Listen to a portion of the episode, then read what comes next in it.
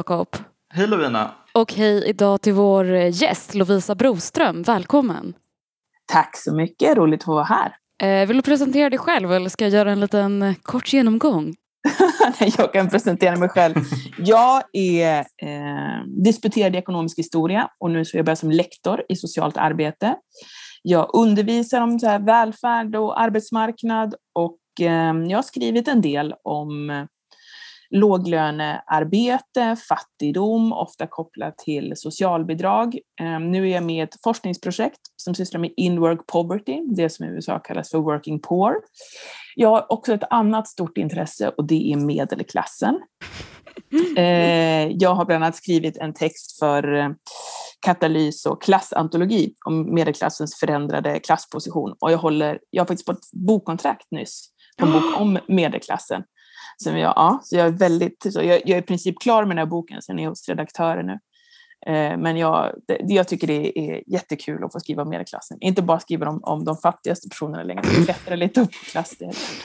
Eh, gud vad spännande med bok. Och eh, jag tänkte att, eh, vi kan, att jag vill liksom hoppa på det medelklassgrejen direkt. Varsågod. Eh, så liksom, hur, hur definierar du medelklass? Ja, det finns så många definitioner av medelklassen. Jag skulle säga att medelklassen är lite av en projektionsyta för vad man vill att den ska vara. Jag har i synnerhet följt liksom debatten som pågår just nu där liksom alla tycker att i princip deras fiende är medelklassen. Hos medelklassen finns det ju någonting för alla att avsky i princip. Alla hittar någonting. Det är antingen någon som är, skriver pretentiösa texter i Svenska Dagbladet eller någon som dricker IPA-öl eller någon som använder RUT och ROT bidrag. Alltså det finns något för alla att avsky. Men jag skulle säga att det finns tre olika sätt att definiera det utifrån det materialet som jag har studerat. Och eh, till exempel det som OECD använder, det är att man delar upp att man ska tjäna en viss summa av som medianinkomster och då så mäter de utifrån olika gränser i olika länder för hur mycket man ska ha för att vara medelklass.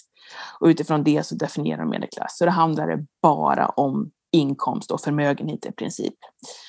Sen är det en annan gube som heter Pierre Bourdieu som ingen har missat som någon gång har varit på ett universitet i princip. Kulturellt kapitalkille. Exakt. Och han utgår från mycket för kulturellt kapital, socialt kapital och ekonomiskt kapital.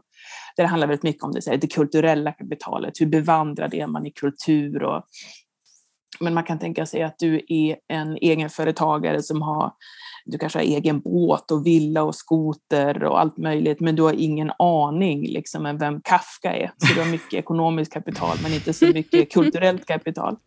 Och sen kan vi tänka oss någon som är eh, utfattig, men är liksom, ägnar sig bara åt att läsa typ Foucault hela tiden. Så den skulle också kunna... Liksom, Oj, det är jag. Tappa, tappa in på en annan del av medelklassen om man är fattig men har väldigt många eh, dyra vinylskivor? Då, ja, det, då skulle jag säga, då, det beror på vad det är för vinylskiva. Men i, enligt Bourdieu så skulle du definitivt hamna in med en viss sfär där av medelklassen. Så att det finns så många positioner i medelklassen. Men jag är ju, det här är två ganska vanliga eh, tolkningar. Men min absoluta favorit, det är ju Eric Olin Wright. Han är en amerikansk marxist som avled ganska nyligen, som har utgått från plats man har på arbetsmarknaden för att kunna definiera medelklassen. Och han pratar ju om att medelklassen har motsättningsfulla positioner på arbetsmarknaden. Att man både har viss makt och inflytande över andra, men man är också underkastad viss liksom, makt av andra. Och han pratar en hel del om vad man kallar för liksom, lojalitetsräntan. Att liksom, man räknar med att den här gruppen ska vara lojal och därför får den lite högre lön. Och när jag har studerat medelklassen, så har ju, eller skrivit om medelklassen, så är det den här teorin jag utgått ifrån. Att när man minskar inflytandet och makten som medelklassen har så bidrar det också liksom till en proletarisering av de här grupperna. När andra har gjort sådana här studier så har de utgått från det här OECD-måttet, det vill säga att medelklassen har mindre besparingar, lägre löner och sådana saker. Så man kan liksom utgå från olika definitioner och därifrån liksom mäta förändring beroende på vad man är intresserad av. Mm, Okej, okay. men så och din definition är alltså just den här motstridigheten på arbetsmarknaden? Exakt, exakt. Lite grann som jag har en sån position också. Alltså att jag har så här, både en del makt och inflytande över hur jag ska lägga upp mitt arbete och jag kan inflytande över kanske så forskningsassistenter. Men i, i min tur så är jag liksom underkastad mina chefer och liksom hur vi ska liksom lägga upp arbete och sådana saker. Så man befinner sig i mitten. Erik Olin Wrights favoritexempel verkar vara sjuksköterskor. Att man både har liksom makt och inflytande över undersköterskor eller vårdbiträden, men man är också liksom underställd ledning och överläkare och läkare och sådana saker. Handlar det alltid då om ifall man har eh, makt och inflytande över en annan person eller kan det också handla om en makt och inflytande över ens eget arbete Alltså jag tänker till exempel som Lovina, du, du håller ju på med musik mm. och eh, producentgrejer och sånt. Och du har väl en del eh, så här inflytande över ditt eget arbete. Men du kanske inte har makt över så många människor där i studion där du sitter just nu. För det finns inte så många där. Nej, tyvärr. Jag har ingen, ingen att skälla på. Det gäller ju också. Alltså man kan ha eget inflytande. Alla typer av så här, konstnärer, författare musiker, sådana personer, de kan ju ha väldigt mycket inflytande på hur de ska lägga upp sitt arbete och sin tid och när och var och hur de, liksom, de ska producera olika saker. Men en konstnär har ju eh, oftast inte så många underställda sig, till exempel någon som färglägger deras målningar eller sånt. Så att jag menar, eh, man kan ju också vara lite sån mer fri aktör i den här liksom, uppdelningen som eh, Olin Wright har gjort. Vi lyssnade på ett poddavsnitt med dig i podden Komintern som vi gillar jättemycket. Men där pratar du, liksom, eller det som du också pratar om nu, om att liksom medelklassen är en sån himla så här, projektionsyta för folks diverse förakt. Att ja, men, ja, den dricker bara latte hela tiden eller ja, den är så dum och belånar sig eller ja, de läser Kafka och de förtrycker mig. Eller, liksom, det finns någonting för alla och du liksom mm. liknar det med en piñata liksom, som man så här, kan ja. fylla efter behag. Och vi i Gigwatch känner typ att vi har sett kanske en lite liknande tendens när, när vi har diskuterat gigekonomi nu i, liksom, under de åren vi har funnits. För där känns det som att det är ofta mycket fokus på att det liksom är så här, medelklassen som köper de här gigtjänsterna. Liksom. Och att när folk frågar oss typ så här, Vad kan jag som medelklass göra för att eh, stoppa den här utvecklingen? Ja mm. men det är det, att det är liksom allt från ett medelklassperspektiv där folk typ tänker sig själva som typ så konsument snarare än typ arbetare. Typ så här, ja men är det OK att uh, köpa från bla bla bla gigföretag med gott samvete? Eller är min kompis som åker Uber ond typ? Mm. Fast så här, egentligen så kanske de själva liksom jobbar som Timmis vikarie typ, utan att se liksom, den likheten. Men de har läst Kafka. Ja.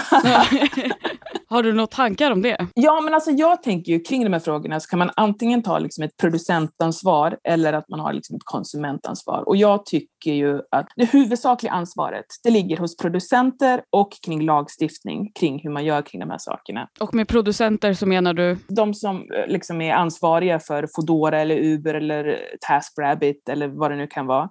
Mm. Eh, och sen att liksom lagstiftningen ser till att folk har kollektivavtal och sådana saker. Så där tycker jag att huvudsaken av ansvaret ligger. Men med det sagt så tycker jag inte att man kan avsäga sig konsumentansvar. Alltså det är fortfarande att man kan välja. Vill jag använda den här tjänsten där jag vet att folk får jättedåligt betalt, folk blir exploaterade, men det är det billigaste. Men vi hamnar ju också i en situation här lite grann, det som eh, du beskriver Lovina. Vissa grupper är ganska fattiga, man har inte speciellt mycket pengar, man kanske är student, man kanske åker Uber istället för taxi och liksom det är vad man har råd med. Om jag ska kunna ta mig liksom till, jag vet inte, till tåget eller vad det ska vara, då måste jag liksom använda Uber för jag har inte råd med någonting annat. Men det är ju också ett, ett samhälle vi har där det finns vissa grupper som är liksom så fattiga som man ägnar sig väldigt mycket åt att bara exploatera varandra. Så liksom, mm. det finns inte så mycket solidaritet i det. Och jag läste, jag tror det var för ett år sedan, jag läste en bok av Upton Sinclair, en författare i början av 1900-talet som heter The Jungle, som handlar om litauiska arbetare i Chicago i början av 1900-talet. Och alla är så otroligt utsatta och de exploaterar varandra åt höger och vänster. Men det är liksom de möjligheterna de själva har för att liksom kunna överleva. Om jag ska kunna äta mig mätt så måste jag typ lura grannen. Så att man skapar ju ett väldigt ett, ett, typ ett destruktivt samhälle på det sättet. Där jag självfallet tycker att alla ska ha bra löner och liksom bra arbetsförhållanden. Men om folk är är väldigt fattiga så har man kanske inte råd att äta ekologisk mat, man kanske inte har råd att åka taxi som, är, som har kollektivavtal och sådana saker, vilket gör det ju komplicerat. Medan det finns andra grupper som har betydligt större ekonomiska marginaler men som fortfarande väljer de här äh, absolut billigaste tjänsterna för man vill helt enkelt inte betala mer än vad man liksom behöver.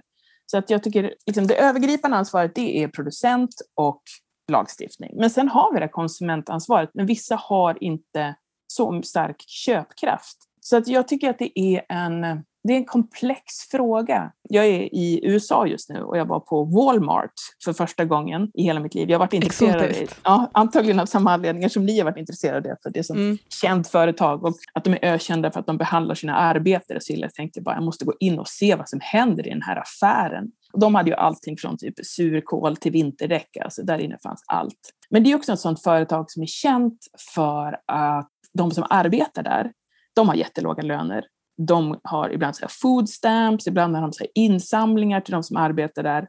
Men de har också visat att man kan leva ett ganska bra liv som Walmart-arbetare om man själv köper allt på Walmart. Ah. Det, vill säga att, ah. det vill säga att man, så här, du är extremt exploaterad, men du kan ha det ganska bra om du bara fortsätter att exploatera dig själv. De, man är i en så pass liksom, ekonomiskt pressad situation att man inte har så många alternativ. Det är lite som mm. de här um Amazon Mechanical Turk-arbetarna som vi har pratat om tidigare i podden som eh, får betalt i Amazon-checkar. Nej, får de?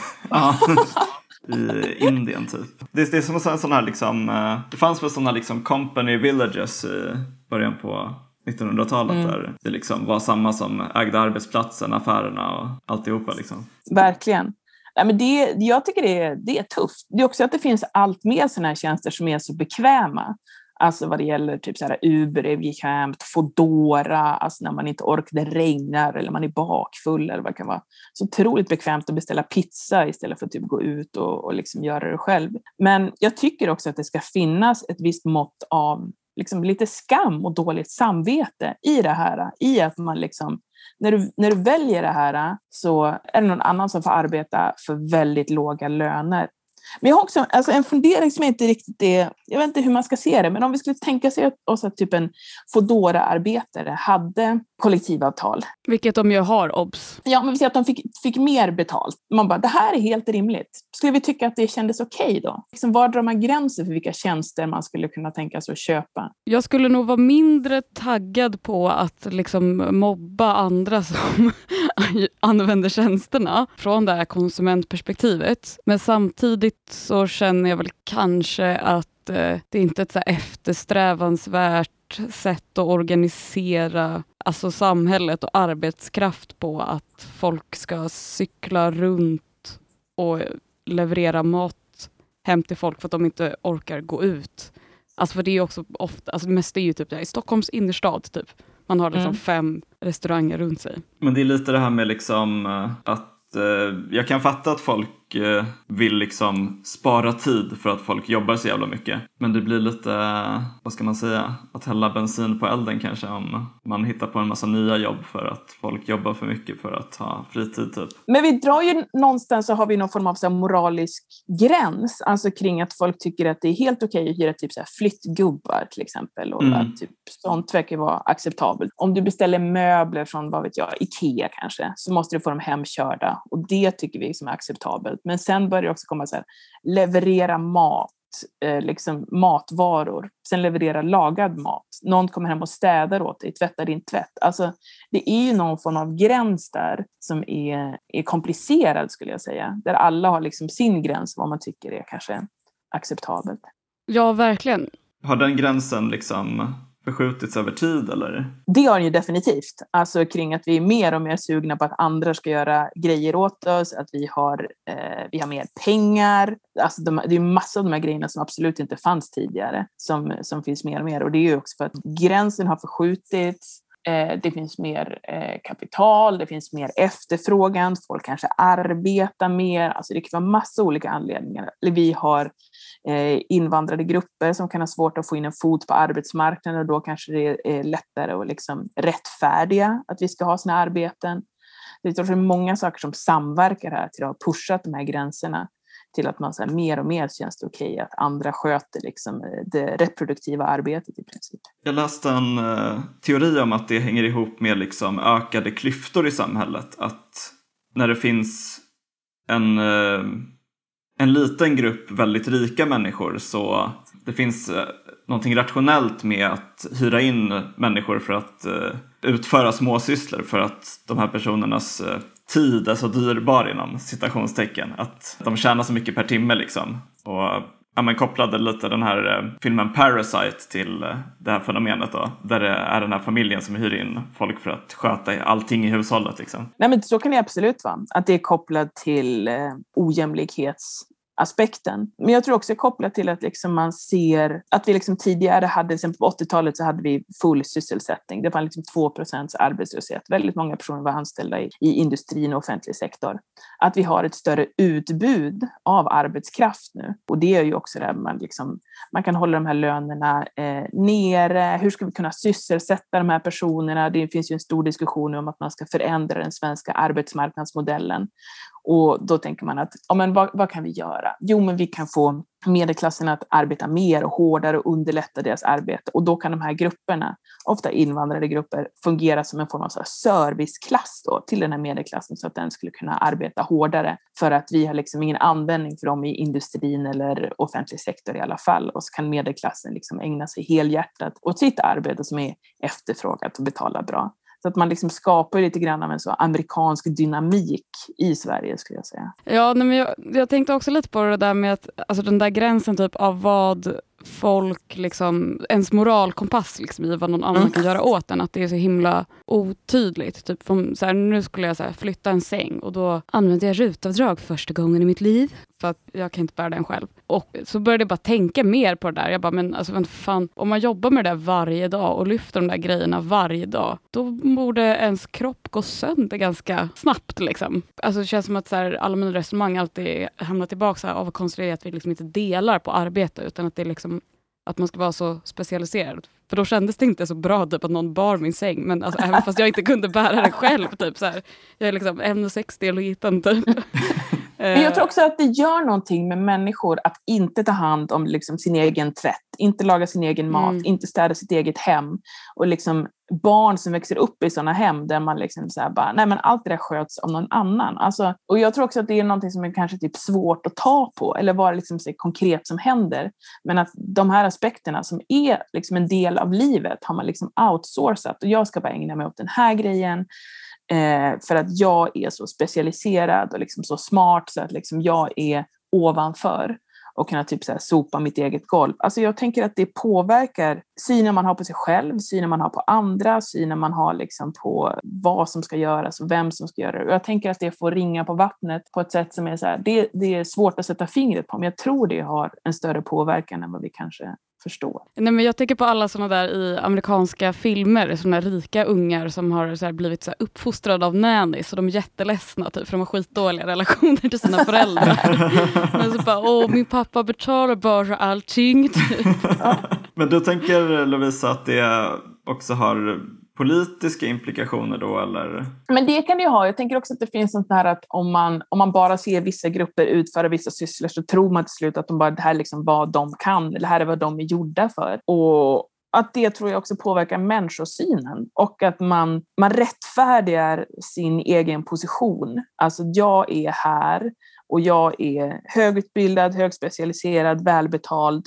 Liksom, det här är vad jag ska ägna mig åt för jag, är liksom, jag har inte tid för de här andra grejerna. Liksom, det är en stor serviceklass av personer som ska sköta eh, resten av grejerna och jag tror det påverkar ens människosyn i det långa loppet och i förlängningen också liksom, politiken. Ja, men jag tänkte mer på det här med, om medelklassen. Mm -hmm. För att eh, du har ju skrivit mycket, eller speciellt då i ditt kapitel i Klass i Sverige, så skriver du om att medelklassen genomgår en deklassering och allt mer börjar likna arbetaryrken i sin form. Kan du berätta lite om det? Mm, alltså om vi hittills har pratat lite mer om konsumtionsperspektiv så är ju många ser det som medelklass ur liksom, liksom en konsumtionsvinkel. Nästan alla kan gå på restaurang, alltså man ska ha ganska dåligt betalt om man inte kan gå på någon, eh, äta ute någon gång överhuvudtaget. Eh, och man kan få ta del av rätt mycket kultur och sådana saker. Så att det är många ur ett konsumtionsperspektiv som betraktar sig själva som medelklass. Men när det kommer till produktionsperspektivet, det som lite grann jag har riktat in mig mer på, så är det ju lite mer komplicerat där skulle jag säga. Och där är det igen honom jag pratar om, Erik Olin Wright, och Eh, Eh, hans syn på medelklassen, där jag pratar om så här, makt och inflytande över sitt arbete och sin arbetssituation. Och det jag gör i min rapport, det är att jag lägger på det här perspektivet av New Public Management, alltså hur man kontrollerar, man dokumenterar, man ska följa vissa ramverk, man ska jaga pinnar och poäng och allt möjligt som folk gör i sina yrken. Och det är sådana som eh, lärare, läkare, socionomer, poliser, alltså allt fler sådana ofta offentliganställda som ska ägna sig åt det här.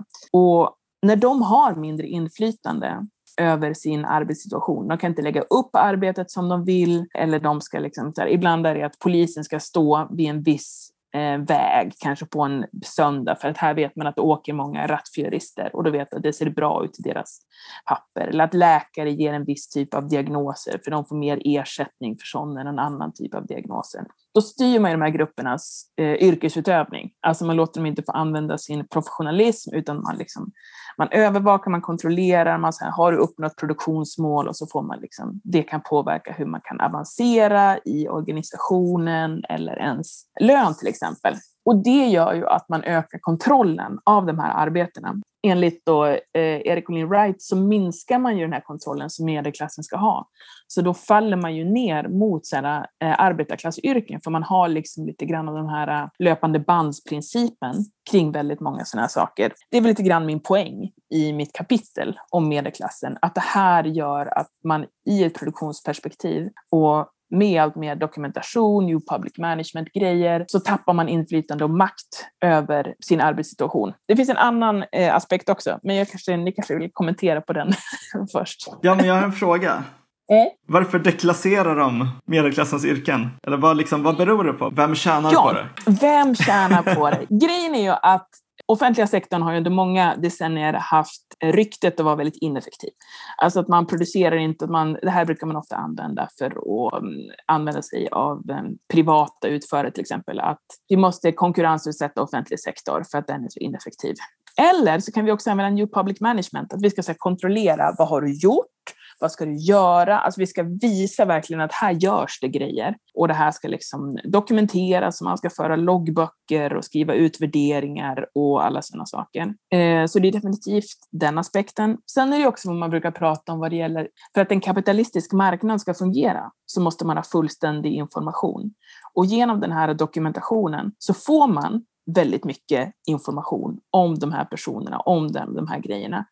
Och då kan det liksom påverka. Så jag bara, ja, men du har tagit emot så här många patienter liksom i genomsnitt under en vecka.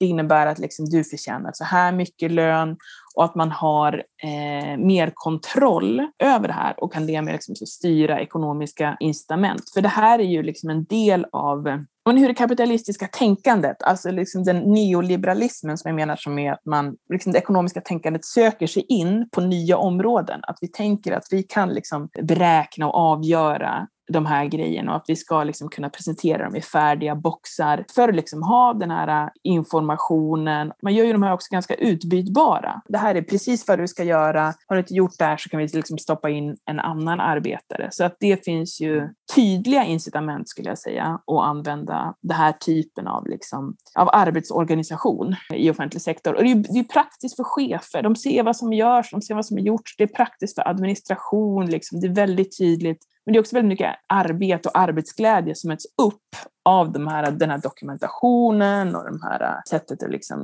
äh, skriva ner allting man sysslar med hela tiden. Har det blivit mer effektivt då? man säger att här, svensk, svensk landstingsvård, där får du mest, för, mest per krona i hela världen. Man har liksom slimmat det till max. Men jag vet inte, det är ju svårt att veta eftersom man inte mätte lika mycket förut som man gör idag, om det har blivit så pass mycket effektivare. Men man kan ju se att det är väldigt många sådana yrkesgrupper som protesterar emot de här grejerna. Det är barnmorskeuppror och det är poliser, så liksom folk söker sig inte till de här utbildningarna. Det finns ett underskott på poliser, det finns ett underskott på eh, lärare, sjuksköterskor lämnar sina arbeten, läkare går i uppror, barnmorskor säger upp sig. En hel del av de här grupperna har också ganska bra löner Alltså det är inte så dåligt. Men det är ofta arbetsvillkoren, att det är så hårt och det är brist på kollegor och sådana saker som gör att folk protesterar mot det här. Och det tänker jag också ha en arbetsstyrka som är missnöjd, som lämnar yrkena där det hela tiden bara, okej okay, nu saknas det 15 barnmorskor på, vad vet jag, Danderyds sjukhus till exempel. Alltså det skapar ju ineffektivitet, det skapar ju problem. Jag har kompisar som är sjuksköterskor och jobbar inom vården och de har så visat att så här, de, eh, de, det finns extra pass att ta alla dagar i veckan, alla tider. Då tänker man att det här är liksom det här är inte extra pass. Ni behöver ju anställa fler. Det tyckte jag också var en intressant del av din eh, text i den här katalysrapporten. För där beskriver du ju lite hur den här eh, bristen på arbetskraft inom vården har eh, gett upphov till en situation där det finns en typ av gigarbetare i vården. Nu pratar jag om då hyrsyrror som liksom ofta kan tjäna väldigt mycket pengar genom att hoppa in där det är underbemannat och liksom arbetar flexibelt och så. Men där, där det liksom skiljer från de gigjobbarna som jobbar för Uber Eats till exempel i det att eh, de som jobbar som hyrsyrror kan liksom förhandla upp sina ersättningsnivåer väldigt mycket. Mm, I allra högsta grad. Alltså jag har kompisar som har jobbat som det också, hur de liksom kan ta sig till någon så liten ort någonstans. Alltså jobbar typ som vad vet jag, sjuksköterska i Kramfors till exempel och tjänar liksom så hutlöst med pengar för att liksom det, det, saknas så mycket arbetskraft och de är så efterfrågade och de får inte personer dit och de måste få personal. Alltså det, det går inte annars. Det är ju också så tydligt vad det gäller tillgång och efterfrågan. Alltså det påverkar ju gigarbetare mer än det nästan påverkar andra liksom, yrkesgrupper på det mm. sättet. Liksom.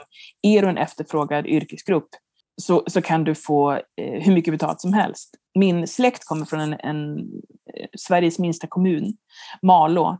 Där har de också väldigt, väldigt svårt att få personal till. Och till exempel där måste de ha såna hyrsocionomer som de också betalar jättemycket pengar. Alltså det har jag aldrig hört talas om någon annanstans, men de har svårt att få liksom, personal till de här områdena. Så att liksom, tar du dig till någon form av så avkrok och att det finns väldigt ont om, om arbetskraft så kan du tjäna väldigt mycket pengar som gigarbetare. Ja, det blir spännande. Det blir liksom som en så form av högkvalificerat gigarbete. Liksom. Jag tänkte också så himla mycket på ja, men den här administrationen i välfärden. Eller så här, för min mamma jobbar på förskola. Liksom. Och jag vet att så här, redan där så är det verkligen att så här, de bara typ drunknar i administration. Typ. Men att hon mm. har så här, förhandlat sig för att hon har jobbat där så jävla länge och hur, hur länge som helst. Att hon, och typ ja, men, varit utbränd så hon bara, jag tänker inte röra en dator. Typ. så här, de är ju liksom utbildade för att liksom hålla på med barn men de måste hela tiden så fylla i typ, jag vet inte, läroplanen för förskola och liksom gud vet vad. typ. Men så det de är bra på är väl ändå att vara med barn. Typ. Så mm. så och det är intressant för att jag tänker så här spontant liksom att det känns mer medelklass att jobba med administration än att jobba med att ta hand om barn. Mm. Men samtidigt så den här ökade administrationen känns som att den inte mottas så positivt av de som jobbar inom de här yrkena även om den kanske på något sätt gör dem mer medelklasslika. Eller gör den det? Men de har ju sett till exempel att det är Eh, när man anställer fler, på exempel sjukhus, så anställs allt fler så här, administratörer, kommunikatörer, alltså sådana typer av personer. Och om, om vi pratar om de här, till exempel socionomer, förskollärare, läkare och poliser, om de har liksom blivit något deklasserade så kan man se att administratörer har fått en helt ny position i samhället. De har fått en definitivt stärkt position, har mer kontroll, har mer inflytande det är ofta de också som ska mäta de här eh, yrkesutförandena, de här resultaten som de här andra grupperna gör. Och här kommer jag också in lite grann på den här andra delen jag tänkte på vad det gällde medelklassens deklassering. Att om vi å ena sidan har den här gruppen då som har fått det är, liksom, det är hårdare arbetsvillkor. Så har vi å andra sidan den här gruppen som också är kanske mer typ vad vi kallar för fria yrken, alltså journalister, fotografer, unga akademiker. Alltså, I synnerhet nu under covid så har vi sett så mängder av kulturarbetare som har haft det väldigt tufft. Och då kan det vara på vissa sådana eh, jag läste en artikel om Operan i Göteborg, att liksom ingen var liksom fast anställd utan det var, liksom, det var administratörerna, var de som var fast anställda. Och de som utgör, de som producerar själva saken, de är ständiga liksom gigarbetare. Och här utbildas det ju också liksom för många i princip. Det finns för många journalister, det finns liksom för många personer som vill eh, doktorera i olika ämnen. Och det gör ju att den här personen hamnar i det här LAS-träsket istället. Alltså att man får arbeta ett tag och sen blir man utlasad och så kan man inte vara kvar hos samma arbetsgivare. Och det är ju en annan grupp som liksom deklasseras, men på ett annat sätt. Och det gör det ju svårt för de här också, samtidigt som jag har den här idén om att alla ska följa sina drömmar och sådana saker. Och det är, det är väldigt, väldigt tufft för en, eh, en hel del personer för liksom en annan del av, av medelklassen som Bourdieu skulle, Bourdieu skulle ha en annan syn på den här personen. Ja, jag kände ju verkligen att min eh, tanke och min position på arbetsmarknaden förändrades ju otroligt av covid och att bara bli av med alla jobb och så bara, oh, vänta, shit, jag har inte rätt till någonting. Typ. Bara, vad, var det, vad var din position innan? Ja, men frilansa som typ ljudtekniker och sånt. Liksom. Men det kändes ändå ganska ah. så här, jag kan, jag kan försörja mig och jag har jobb och jag kan liksom säga ja till det jag tycker är kul, jag kan säga nej till det jag inte tycker är kul. Typ. Men du gick från att liksom ha en, uh, dels liksom det här med efterfrågan, att det fanns en uh, större efterfrågan kanske än vad det fanns ljudtekniker i Stockholm och därför kunde du välja att braka lite. Uh, och sen såklart när covid kom så försvann ju efterfrågan helt för att man inte fick ha konserter. Mm. Mm. Yeah. Då är det ingen som behöver en ljudtekniker. Den här andra aspekten då, som du nämnde, det tycker jag också är liksom intressant. Kan man tänka att liksom medelklassyrken liksom riskerar att typ genomgå en gigifiering och bli gigjobb? Typ? Och vilka yrken är det kanske som liksom ligger i riskzonen för det? Alltså många av de här yrkena har ju steg för steg genomgått en gigifiering. Alltså det fanns en tid när man sa ja, men du, du gick in på redaktion och du blev journalist och det var det. Och så liksom, alltså, vet den här tiden man beskriver hur det var tidigare på arbetsmarknaden innan både ni och jag var födda. Men man kan ju tänka sig andra yrken som liksom kommer bli gigarbete och det handlar väldigt mycket om hur många det är som utbildas inom ett yrke i förhållande till vad efterfrågan är. Och en sån sak som jag ser som jag tycker är ganska intressant, det är hur mycket man pratar om programmering. Alltså att vi ska få in så här programmering i skolan och folk ska lära sig grundläggande programmering. Och, för att det finns ett underskott på programmerare och alla i princip behöver någon för liksom att fixa med deras eh, datagrejer. Men det är ju också att man vill ha fler. Alltså att man vill ha, då, kan man, då kommer inte deras löner skena iväg.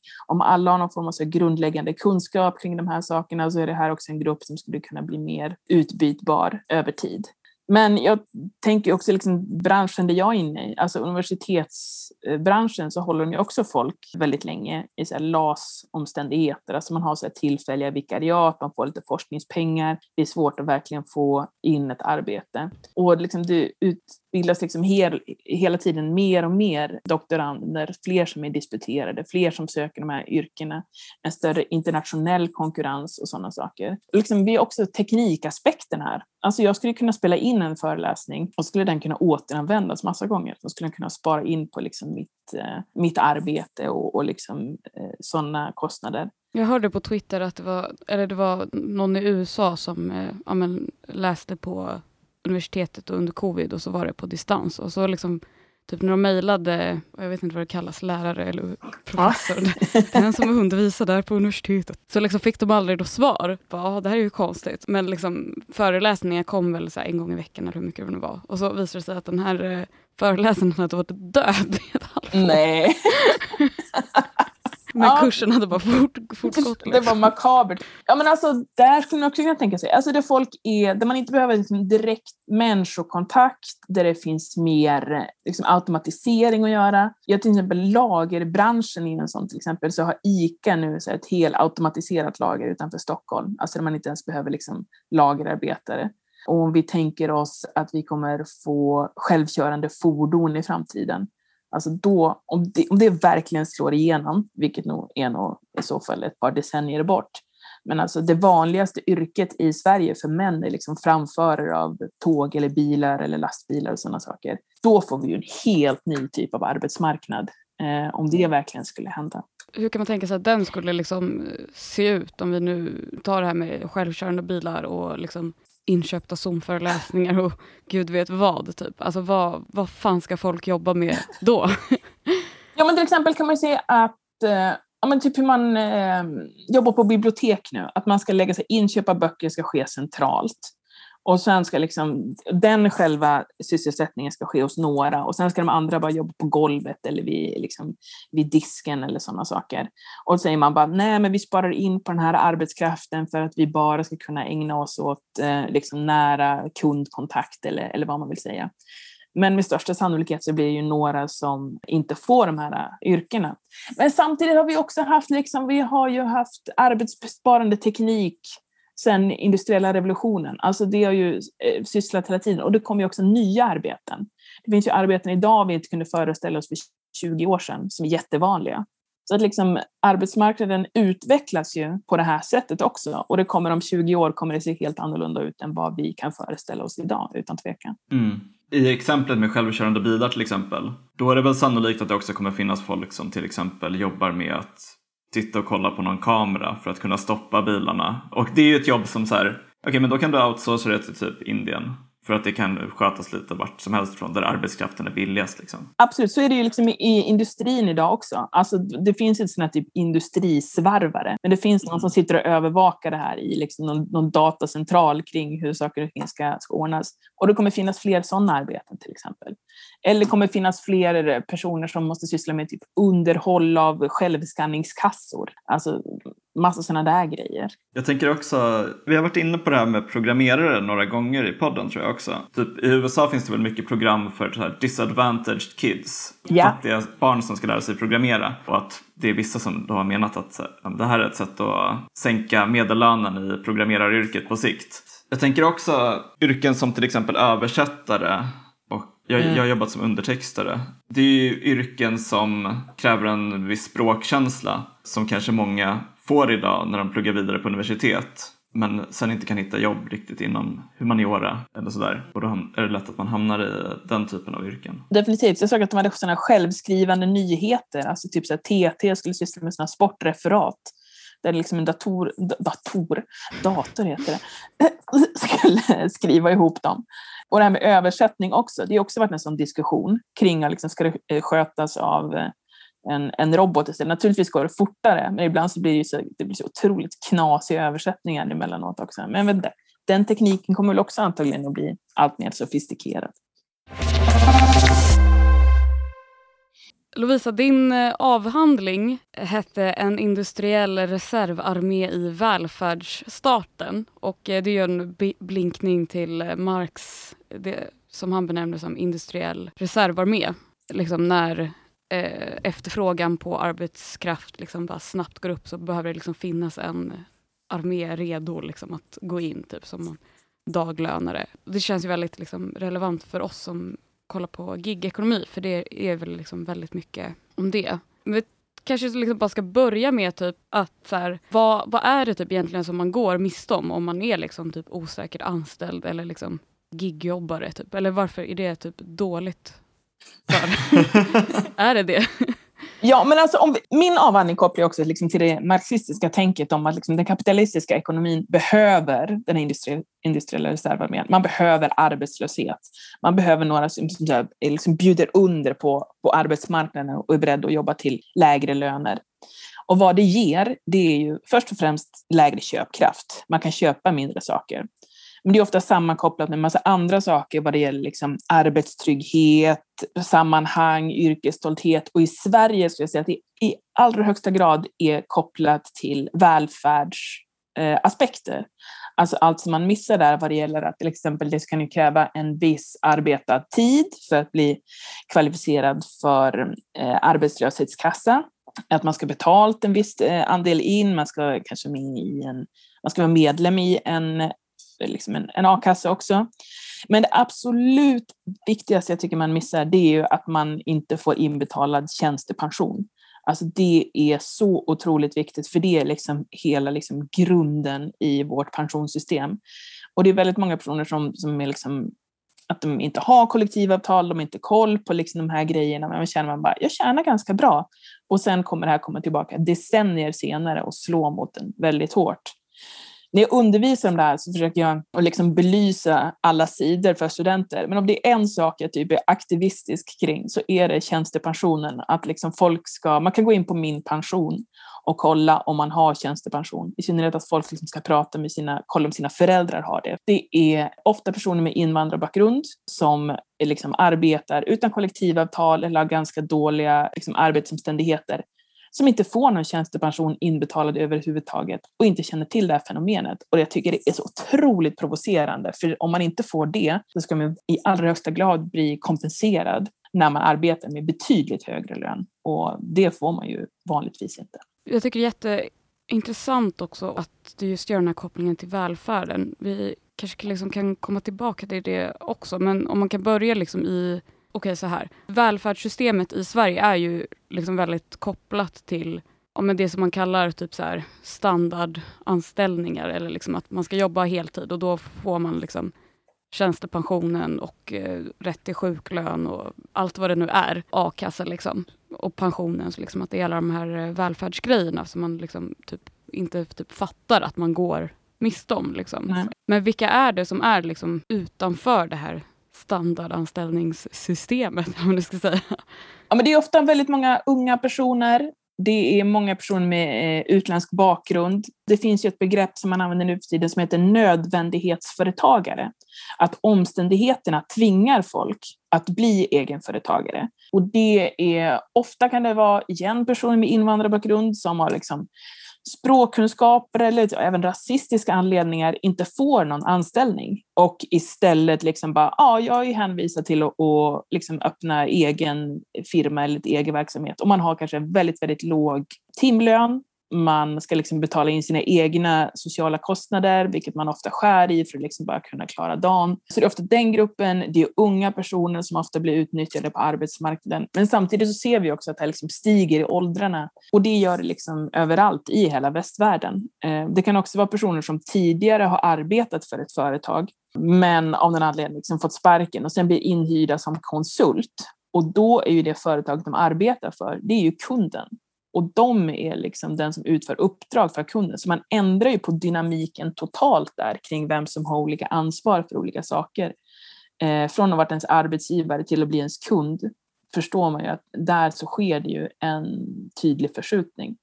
Det här hände bland annat efter den här ekonomiska krisen 2007-2008 kunde man se det här i många länder. Ja, det har ju också inom min bransch varit jättevanligt. Eller, liksom, mm. jag vet, eller ett ställe som jag jobbade eller jobbar lite för också nu, men det är ett stort ställe som kräver mycket teknik. Så de har ju liksom haft fast anställda tekniker och sen så bara gradvis, liksom, nu så är vi alla bara liksom att de ringer oss och så får man fakturera liksom för, för de dagarna man jobbat. Så då så när covid kom och allting stängde ner så bara, men vadå, du visade till mer än två veckor i förväg så du får ingen ersättning, hej då.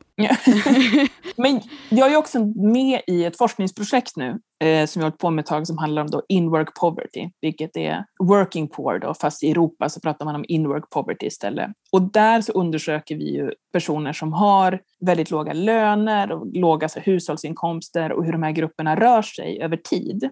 Eh, liksom från lågbetalda arbeten till bättre betalda arbeten och vilka är det som gör det och vilka fastnar och sådana saker. Och här så ser vi att det är, ja men är du en 19-åring på en mindre ort som sen flyttar till en större ort och börjar studera och du har ett låglönearbete där i början så har du vanligtvis en ganska bra ekonomisk utveckling. Alltså det är ungefär vad man kan förvänta sig. Men är du liksom en 35-årig man som är född utanför Europa och har en låg lön, så när du är 45 år så har det inte ändrats speciellt mycket. Så för vissa så finns det definitivt den här rörligheten från lågbetalda jobb eller vad som ser ut som gigjobb till bättre betalda arbeten. Och för andra så finns det inte alls den här rörligheten. Inom mitt fält så brukar man prata om att det är, är det liksom en, en trampolin eller är det en liksom dead end? Och ibland så pratar man också om en low pay, no pay cycle. Alltså du, så här, du har lågt betalt och sen är du ingenting och så är du lågt betalt igen. Så att du, liksom, du är liksom på marginalen av samhället hela tiden. Och det är lite grann vad min avhandling handlar om också, om folk som är arbetslösa och inte var kvalificerade för a-kassa utan istället fick liksom få socialbidrag som vanligtvis är lägre, det är hårdare krav och det är, det är allmänt tuffare att få det liksom, än vad det är att få a-kassa som man liksom har rätt till om man har uppfyllt vissa krav. Det är något mer godtyckligt kring de här sakerna. Ja, för det är ett argument som liksom förespråkare av gig-ekonomi ofta använder. Typ att så här, ja, men eh, det skapar arbete och det är liksom ett dåligt jobb är bättre än inget jobb och det är en fot in på arbetsmarknaden. Och det är ju verkligen en så retorik som återkommer från många gigföretag. Liksom att de så här, typ gör folk alltså, en stor tjänst genom att mm. bara finnas. Typ, för att de liksom, vi ser till att eh, unga kommer in på arbetsmarknaden och vi ser till att eh, de här personerna, alltså som att de var något så här välfärdsprojekt liksom. Eller liksom välgörenhetsprojekt typ. Samtidigt som det finns studier som har visat att eh, det inte alls är liksom gynnsamt i princip att ha haft ett gigjobb. Jag blir allt mer kluven i den här frågan faktiskt. Tidigare mm. så hade jag nog ganska tydlig så övertygelse om att så här, lågbetalda arbeten, det är ingen idé att ha för det leder ingenstans och folk blir fast i det här. Och det är lite grann vad min forskning visar också för vissa grupper. Men samtidigt så funderar jag också på om arbete också kanske betyder någonting mer. Alltså att man känner att man är en del av ett samhälle, man tjänar pengar, man kan ha typ någon typ kanske av så här yrkesstolthet, man får kontakter, man kanske får träna på språket om man behöver det, man betalar skatt. För jag tycker också att det finns Alltså det kan öka misstänksamheten mellan vissa grupper, om det är vissa som, som går på bidrag och andra personer som, som arbetar, om det blir liksom stora klyftor där och att eh, det här, är också, det här kopplas ju också till medelklassen. Kring välfärdsstaten så tänker man att det är en för alla, alla för en. Men så växer liksom den här misstänksamheten. Att vissa de arbetar aldrig, de går bara på bidrag. Och lite grann för att ha liksom medelklassen med på tåget i många länder så liksom är de här lågbetalda arbetarna ett sätt och liksom få och rättfärdiga att vissa grupper ska, ska liksom få vara i samhället överhuvudtaget. Att misstänksamheten kan öka väldigt mycket om folk går på bidrag och det är svårt att komma in i samhället, det är svårt att lära sig språket. Samtidigt så är det ju precis som ni säger också, Alltså att många människor fastnar i de här yrkena. Det kanske inte leder någon vart, man tjänar väldigt lite pengar, man arbetar kanske väldigt hårt. Så att jag liksom, båda de här aspekterna tycker jag är viktiga. Och jag har inte riktigt samma fasta övertygelse som jag hade tidigare kring de här sakerna. För jag tänker i synnerhet vad det pekar mot är också att för män så verkar det vara extra viktigt att arbeta. Alltså känna att man typ gör rätt för sig och anstränger sig och man stiger upp på morgonen och är något, jag vet inte vad, gott exempel för sina barn eller någonting. Så jag vet inte, jag har inte, jag har inte, jag har inte bestämt mig riktigt vad jag tycker här. Du är inte en arbetskritiker? Nej, det är så, så radikal är jag inte. Nej, men det är ju vidrigt att vara arbetslös, så det kanske liksom är det. Men jag tänker också, det måste ju ändå liksom höra ihop med eh, liksom den här otroligt flexibla arbetsmarknaden vi har. Mm. För jag menar även liksom mina kompisar som nu har välbetalda och liksom högt uppsatta positioner på sina jobb har ju tidigare haft liksom, ja, men, låg avlönade, ok, alltså okvalificerade mm. jobb. Liksom, att så här, de flesta har ju ändå erfarenhet av den typen av jobb. Mm. Men det finns också vissa yrken där man liksom fastnar. Alltså vissa yrken kommer du ingenstans ifrån. Det finns ingenstans att ta sig. Och andra yrken är definitivt liksom en fot i dörren, alltså en möjlighet. Så det, är, det är olika och det handlar rätt mycket om ålder, eh, det handlar om liksom vart man befinner sig, inom vilken bransch man befinner sig och sådana saker. Så att liksom så entydigt som jag tyckte att det var tidigare, tycker jag nog inte längre att det är. Samtidigt så känns det, alltså, jag känner väldigt svårt för att bryta upp liksom den svenska modellen kring hur arbetsmarknaden är utformad. Den har fungerat så himla bra så länge. Alltså jag tycker att den svenska välfärdsstaten, eller den skandinaviska välfärdsstaten, är en av världens bästa innovationer någonsin. Alltså jag tycker det har brutit upp om sådana gamla idéer om att först så ser man till sin familj och sen till sin grupp. Alltså att vi bidrar med skattepengar till personer som vi aldrig har sett, aldrig kommer se, aldrig kommer tacka oss. Men vi tänker att liksom, när vi hamnar i knipa så kommer de göra samma sak för oss. Alltså den solidariska grejen är som att den bryter mot liksom hur den mänskliga naturen har fungerat i tusentals år. Och jag tycker det är mäktigt. och jag vill gärna kämpa för att bevara det här. Tänker du att, eller vi har ju um, i spåren av det här Foodora kollektivavtalet till exempel kanske uttryckt lite kritik mot den svenska modellen, eller i alla fall hur den liksom används av eh, Socialdemokraterna, eh, regeringen, som en ja, men, eh, undanflykt från att eh, göra någonting åt problemen i gigekonomin. Att det ofta blir liksom ja, men eh, den svenska modellen ska hantera det här. Eh, det här kollektivavtalet är ett bevis på hur väl den svenska modellen fungerar. Men tänker du att det här, det här liksom välfärden, att den hänger ihop med den svenska modellen på arbetsmarknaden och på vilket sätt? Ja, alltså problemet här är ju att den är den är inflexibel. Alltså det kan ju definitivt behövas att man anpassar en massa saker. Till exempel det jag pratade om tidigare med nödvändighetsföretagare. Personer som liksom arbetar jättehårt, jättemycket, men inte kvalificerar sig för olika typer av socialförsäkringar vad gäller föräldraförsäkring och inte kan vabba och sådana saker. Jag skulle säga att det här är också ett genomgående problem lite grann i Sverige, att man liksom kan peka på, men kolla, vi har det här fantastiska systemet och därför behöver man inte anpassa sig. Eller så bara, saker och ting har ändrats. Vi måste liksom förändra saker. Vi måste göra kanske eh, förändra hur eh, LO-facket är uppbyggt. För liksom, så hur ska vi kunna attrahera de här eh, personerna? Hur ska vi liksom kunna utforma en a-kassa som fungerar bättre? Att man inte bara kan eh, liksom vila på liksom gamla, gamla meriter på det sättet. Så definitivt så använder man ju på det sättet. Och för Socialdemokraterna tänker jag att det är extra eh, funktionellt för att de har ju varit ett så tydligt drivande parti i väldigt mycket av uppbyggnaden kring det här. Så för dem att peka och vara väldigt malliga och inte så eh, förändringsinriktade liksom, ligger ju nästan lite grann hos dem också. Alltså bara, vi, har, vi har gjort det här, vi har varit himla duktiga. Eh, så att liksom, självklart så behöver det liksom förändras. Det behöver bli liksom flexibelt, möta personers eh, eh, arbetssituation, svara mot liksom de nya utmaningarna som finns inom det kapitalistiska systemet. Svara också mot liksom de behov som finns, nya arbetssituationer som finns. Men själva grundtanken kring den här liksom storskaliga solidariteten tycker jag ändå är fantastisk. Jag håller med. Även om du inte får något coronastöd så tänker du bara det, det är vackert ändå. ja, kunde varit bättre men jag håller med om att eh, grundtanken är bra. ja, men det har varit då, de har varit dåliga på att anpassa sig, alltså det har varit dåligt på att liksom, hänga med. Alltså man är ju också man är ju alltid äh, liksom tvåa på bollen. Alltså att kapitalismen är först och liksom så här, äh, ändrar och fixar och pressar ner löner och sådana saker. Och välfärdsstaten kommer liksom därpå och ska liksom rädda upp från olika håll och kanter. Och då gäller det att man också är liksom kvickare på fötterna än vad man är just nu skulle jag säga. Istället för att new public manager Ja. det har nästan blivit som så här förolämpning, att så här bara, New Public Management är bara förolämpning nu för tiden. det är som medelklass. Ja, precis. De hatar medelklass, min älskade lilla grupp. Eh, ja, men Lovisa, du, du är ju till och med i USA just nu.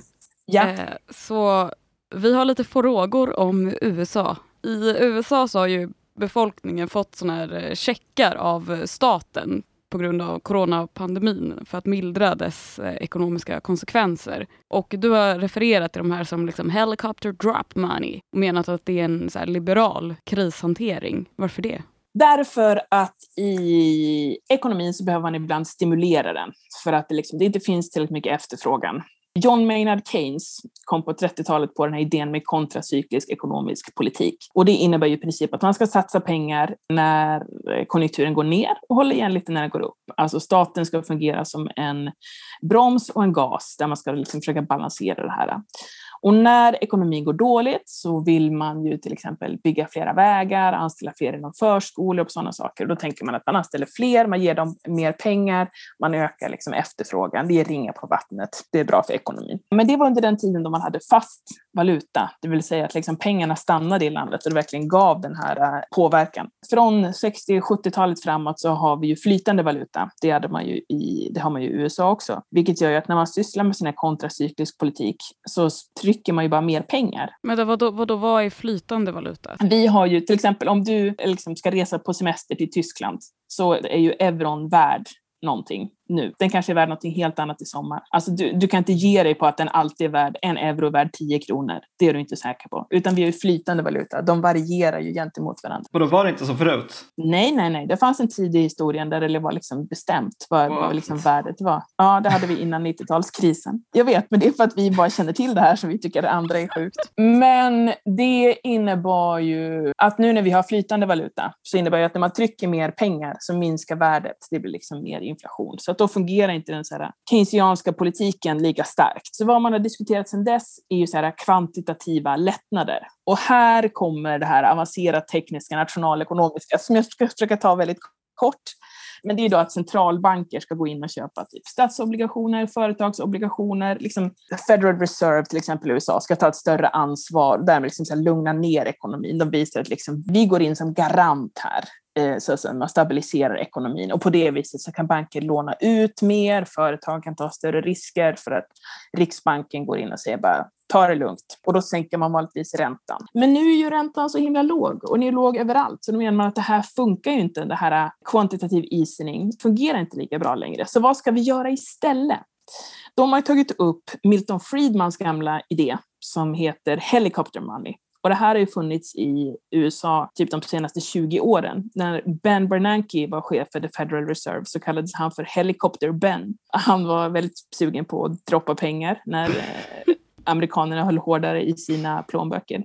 Och det har ju kommit upp igen och nu har man faktiskt också genomfört det. Att folk har ju fått sina liksom checkar för att liksom stimulera ekonomin. Så man kan ju se att så här, mer och mer så har vi gått mot och liksom direkt på konsumenterna om man tidigare gick på det här John Maynard Keynes, att bara, men vi anställer några förskollärare, de kommer i sin tur att handla mat och då behöver vi fler i mataffären och producera mat. Då är det bara, nu är det bara direkt till konsumenterna, ut och handla i princip. Men det här är ju också ganska kortsiktigt och jag är väl lite konservativ kring det här och tycker att det är en bättre idé att använda Eh, John Maynard Keynes idéer kring de här sakerna. För att alltså, det finns ju otroligt mycket utrymme för mer personal i offentlig sektor. Fler personer inom förskola och hemtjänst och eh, stödpersoner i skola och alla sådana saker. Och här borde man ju ta chansen och anställa de här personerna, alltså liksom öka sysselsättningen, få upp kvaliteten på alla de här områdena och på det sättet liksom ta två flugor i en smäll. Även om det innebär att vi har visst liksom läckage av kapital till andra länder eller att vi får lite inflation. Men vi har haft så himla låg inflation ändå väldigt länge så det kommer nog inte göra så mycket. Men jag tycker att man borde definitivt tagit chansen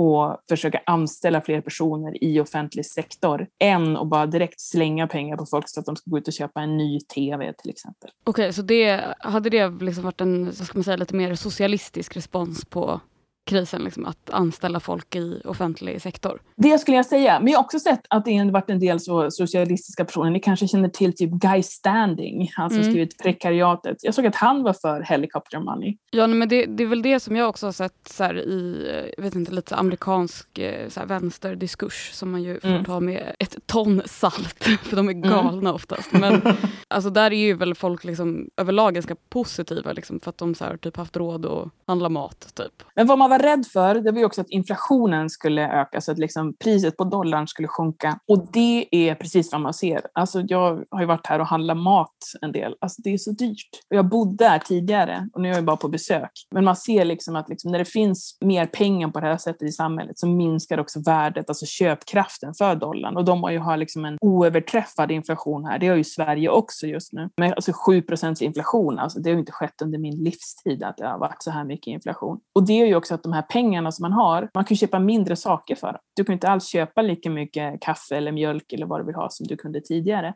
Så att då får du inte heller samma effekt som det liksom skulle fått annars. Jag, jag är inte nationalekonom. Men. Men.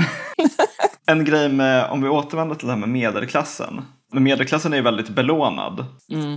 Eh, är inte inflation bra då? Jo, det är det ju. Inflationen äter ju upp lån. Alltså om, om jag lånar typ 100 kronor av dig och så, liksom, så minskar 100 kronor betyder inte samma sak. Men vi säger då att min, min lön stiger. Då kan jag betala tillbaka och 100 kronor har liksom värde av 50 kronor. Men om min lön inte stiger så liksom består ju liksom, eh, värdet på det sättet. Så att det beror helt också på om lönerna hänger med i den takten som liksom, lånen minskar i värde. Alltså att får jag mer lön? Och i och för sig här så har man ju en större rörlighet vad det gäller inkomster. De här kollektivavtalen, vars lov vi har sjungit nu, blir ju ett problem för att det, det är ju mera, liksom, mer förbestämt av vad man tjänar. Medan här kan liksom, lönerna kan stiga. Så helt plötsligt kan det stiga för någon yrkesgrupp väldigt mycket för att man behöver folk väldigt... Eh, alltså det finns stor efterfrågan på den här typen av arbetskraft. Så det handlar ju helt om liksom, vilken yrkesgrupp tillhör du? Hänger liksom din löneutveckling, hänger den med inflationen eller gör den inte det? Och på det sättet så kan ju lån ätas upp väldigt mycket. Men för många som arbetar så kommer det göra det. Men kanske för personer som är pensionerade så kommer det inte göra det. Så det, det kan vara olika. Vi har pratat lite om USA lately i podden. Lite kopplat till ur ett Reddit-forum, Anti-Work, som har blivit stort. En grej som man ser nu i USA är ju att eh, folk säger upp sig otroligt mycket. Och att man kallar dem någonting som heter the great eh, resignation. Man har hamnat i en situation där liksom låglönejobb skriker efter arbetskraft men folk verkar antingen liksom ha råd att typ säga nej till det på grund av de här pengarna de har fått jag har inte riktigt förstått. Kan du fylla i här? Ja, det är ju väldigt många som har lämnat arbetsmarknaden. Men när man kollar på statistik, vilka det är, så är det merparten så folk som är över 55 år. Så då kan man se att man går i tidig pension. Har du ägt ett hus här, har du haft lite aktier, har ju ofta sett en väldigt stor värdeökning på, på de sakerna till exempel. Och du kanske kan gå ner lite grann i i liksom levnadsstandard och sådana saker. Vilket gör att merparten är, liksom, det är typ förtidspensionering i princip vad vi ser. Och många andra så ser vi till exempel kvinnor, ofta ensamstående kvinnor i storstäder som inte har tillgång till barnomsorg eller haft det under covid eh, som är tvungna att lämna sina arbeten för att liksom, barnomsorgen kostar mer än vad, liksom deras, eh, vad de får in i lön. Om deras arbetssituation är osäker så kanske det är liksom bättre att, att man lämnar och får en stimulanscheck istället. Men de här grupperna tror man också kommer gå tillbaka. Det är svårare att få tillbaka pensionärer till arbetsmarknaden för att när de har gått i pension så fattar de hur gött det är och så här kan livet fortsätta så de är inte lika sugna på att komma tillbaka. Men en annan sak som jag tycker är intressant, det var att eh, i USA finns ju en väldigt stor serviceindustri, alltså vad det gäller folk som ska här, leverera saker, jobba på restauranger, allting sånt. Och väldigt många av de yrkena, i synnerhet i storstäderna, has av invandrare och många människor från liksom, latinamerikanska länder. Och att det bygger på ett ständigt inflöde av sådana personer som ska ta de här äh, lågbetalda arbetena. Men sen Trump och sen man liksom skruvat åt migrationsgrejen så får man inte den här arbetskraften längre. Alltså att de kommer inte in och folk Folk flyttar ut från storstäderna. Det kan ju vara liksom exodus från typ New York och Chicago och Los Angeles ut till eh, liksom mindre ställen där huspriserna är inte lika dyra. Det är lättare att få en bra skola och sådana saker. Så att det hänger också ihop med, med migrationen, att det finns många sådana här arbeten. Men liksom, folk kan ha återvänt hem till sina latinamerikanska länder, inflödet har minskat, folk har gått i pension, kvinnor kan inte arbeta i samma utsträckning. Och frågan är hur mycket av det här som består över tid och vad som liksom kommer gå tillbaka till jag vet inte, en mer normal situation när pandemin är över. Och det vet vi ju inte än. Men jag tänker att det är för tidigt att ropa hej. Alltså att vi vet inte om det har vi kommit till en sån situation där folk inte längre tar de här lågbetalda arbetena. Man kanske kan pressa upp minimilönerna en del, men eh, jag vet inte. Jag tycker att statistiken får visa hur det här kommer utveckla sig. Här har de släppt på rätt många av restriktionerna så att det kanske kommer liksom komma tillbaka till något nytt normalt inom inte allt för lång tid. Kan du säga någonting om eh, din bok eller är det hemligt? ja, jag håller ju på med den här medelklassboken. Alltså jag har ju tyckt att medelklassen är jätteintressant. Jag tyckte själv att jag växte upp i tydlighet som medelklass tills jag började träffa andra människor som också tyckte att de växte upp i medelklass, som hade helt andra omständigheter. De var mycket, mycket rikare än vad jag var. Och jag tyckte det var också intressant att vara en del i USA och kolla liksom hur deras syn på medelklass. För där är ju typ nästan alla medelklass. Deras syn på medelklassen är något helt annat än vad vi har. Och de älskar den. Ja, Noam Chomsky har också sagt att man använder termen medelklass för att liksom dölja att det är ett klasskrig som pågår. Att liksom så här, alla tillhör samma klass. Och det finns ju också någon sån här äh, talesperson för Tony Blair som sa bara “We're all middle class now” att liksom, den här termen används väldigt politiskt. Men jag har ju börjat gräva i det här historiskt, för att det finns, som jag nämnde tidigare, de här olika definitionerna av sådär, Bourdieu, Eric Olin Wright, det som används av OECD och sådana saker. Men jag vill kolla på det här eh, hur det här begreppet liksom utvecklats historiskt, nästan ha ett sånt begreppsarkeologiskt perspektiv på det hela. Liksom, vad den här gruppen haft för position, för makt, för inflytande, vad har de betytt för den historiska utvecklingen och sådana saker. Så att första gången begreppet medelklass eh, ens används i Sverige är i slutet av 1700-talet, vid franska revolutionen. Och sen så kan man se hur liksom den utvecklas steg för steg. Men det finns ju också en konstant rädsla för att medelklassen ska försvinna. Den har funnits i över 150 år. Karl Marx sa ju bara att den här klassen den är bara helt temporär. Den kommer försvinna alldeles strax. Och det var ju bara när den var i startgroparna för att bli hur stor som helst. Gud vad spännande att det är så gammalt. Jag har tänkt så här, medelklassen i Sverige liksom som ett så här, ja, men, eh, efter hela liksom, den här super alltså post World War II ekonomiska mm. boomen. Nej, nej, nej, liksom nej, växt fram typ under 70-talet i Sverige. Men det är helt fel. Den har funnits i över 200 år, men det har varit helt olika grupper som man syftar på. Alltså det var så här bourgeoisiegrupper som varken tillhörde adel, bönder, borgare eller präster liksom mm. i början. Man bara, vad ska, vi, vad ska vi kalla de här märkliga personerna i mitten? man kallar dem för medelståndet i början, för man bara, vi har ju ingen plats för dem. Och sen så medelklass, alltså och sen försöker man typ komma på vilka är det här? Vilka, vad, vad ska vi mm. kalla dem? Vad har de för position? Vad har de för makt? Så det är lite grann vad jag sysslar med. Men det är rätt mycket fokus också på efterkrigstiden och på debatten nu på senaste tiden kring hur, liksom, hur medelklassen är den här produktionsytan. Eller pinjatan som man fyller med vad man vill och så slår man på den och säger bara jag hatar medelklassen. Så, ens egen skapelse. Ja, och du vill ju att man ska solidarisera sig, att medelklassen och vi alla ska solidarisera oss. Absolut. Under stora delar av 1900-talet så fanns ju det här löntagarkollektivet som var mycket starkare. Men i och med att man liksom eh, avslutade idén om löntagarfonder 1991 när Bildt-regeringen kom till makten. Och nej, alltså allt dåligt i Sverige kommer från Bildt-regeringen. Det är, ju, det är ju tyvärr så. Så slutar man ju prata så mycket om löntagare och löntagarkollektiv och löntagarfonder. Därifrån så är det mycket mer fokus på att prata om medelklassen som problem. Om man delar upp medelklassen och arbetarklassen i liksom två, ofta konkurrerande grupper, fast man i mångt och mycket har väldigt lika liksom, både behov och eh, man efterfrågar samma saker. Sverigedemokraterna försökte ju starta en fackförening för några år sedan som hette Löntagarna. Ja, Ja, men det kan jag tänka mig att de gör. De brukar ofta vilja spela på sådana här gamla folkhemsgrejer. Men mm. den har man inte sett så mycket av. Nej, det gick inte så bra för dem. Jag tror inte att de kanske hade samma vision som du där. mm, vi har inte snackat vid kring det här i alla fall. Om, om de vill syssla med det så har de gjort det utan min tillåtelse. Men eh, tack så jättemycket för att du ville vara med i vår podd. Och ja, roligt att få vara med. Samtalet. Och det ska bli jättekul att läsa din bok. Den ser vi verkligen fram emot.